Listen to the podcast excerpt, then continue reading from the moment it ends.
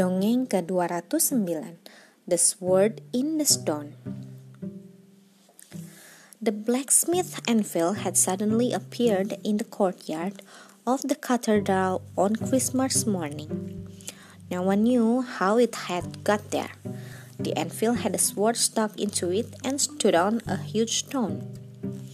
Words were carved right around it, which read, Whoever pulls out this sword is the rightful king of the Britons. Many a proud lord had stepped up and tried to pull the sword out of the mysterious anvil. But even though they had heaved and sweated and grunted and pulled and pulled and pulled, all of them had walked away disappointed. Now, almost a week had passed. It was time for the New Year's Eve jousting festival and still the anvil stood on the stone in the courtyard with the sword sticking out of it. Every year, bold knights came to the capital city from all over the kingdom to ride against each other in the news in the New Year's Eve jousting festival and show off how brave they were. This year, Sir, Sir Ector's son, Sir Kay, will joust for the very first time. Sir Ector's younger son, Arthur, was going along too, as Sir Kay's squire. Sir Ector, Ector and his sons live in the very farthest corner of the kingdom, so far away from the capital city that news of the strange anvil hadn't even reached them. It took them three days of hard riding until they saw the towering cathedral spire and the bright fluttering flags of the jousting field in the distance. Then a dreadful thing happened. Sir Kay put his hand down by his side to pat his trusty sword, and there was nothing there. My sword! Sir Kay gasped. It's gone! Arthur turned quite pale with horror. It was a squire's job to make sure that a knight was properly equipped. We must have left it at the lodging house we stayed at last night, he groaned. Don't worry, Kay, I'll dash back and fetch it before anyone could argue. Arthur had wheeled his horse around and was galloping at full tilt back down the road. There wasn't a second to lose. But when Arthur arrived back at the lodging house, there wasn't a sign of Sir Kay's sword anywhere.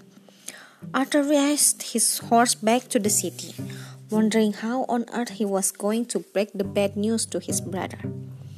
He was very nearly at the jousting field when he galloped past the cathedral courtyard and saw the sword sticking out of the magical anvil on the stone.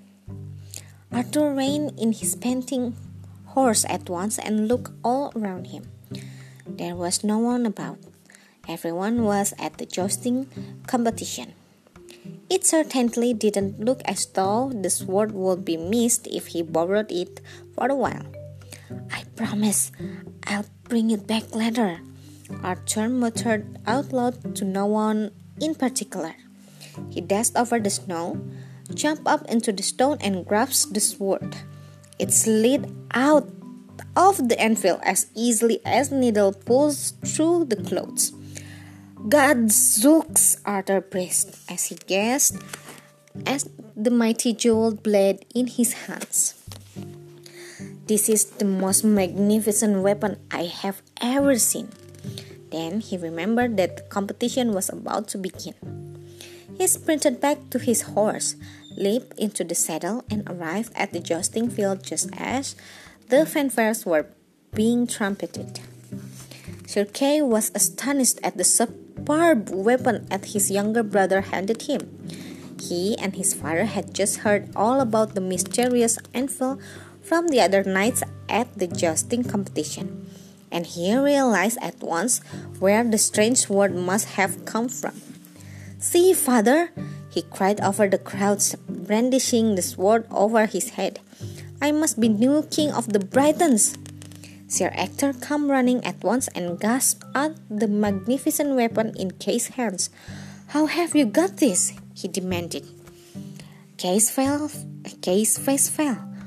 Arthur brought it to me, he mumbled. Sir Ector's face was grave. Who pulled this out of the stone and gave it to you? He squeezed Arthur. No one, stammered Arthur. Quite a few people had gathered around by now, and suddenly he felt very nervous. I pulled it out of the stone myself. I was going to put it back when Kay had finished with it. Honest. Sir Ector led Arthur back to the cathedral in, and into the courtyard with a huge and excited crowd following hot on their heels. Put the sword back where you found it, son, he told Arthur. All right, shrugged Arthur. He climbed into the stone and thrust the sword back into the anvil. First, Sir Ector himself tried to pull it out. Then Sir Kay heaved at it which with all his might. The sword didn't budge an inch. Now, show us how you did it, son, said Sir Ector, his voice trembling slightly.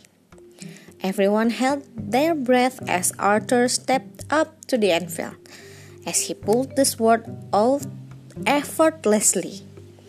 The cheer that went up could be, the, be heard all over the capital city and beyond. And that is how a young boy called Arthur, who wasn't even a knight, was crowned king of the Britons and eventually became the greatest of all the heroes who ever lived in the Celtic lands. Sekian, terima kasih telah mendengarkan. Selamat malam.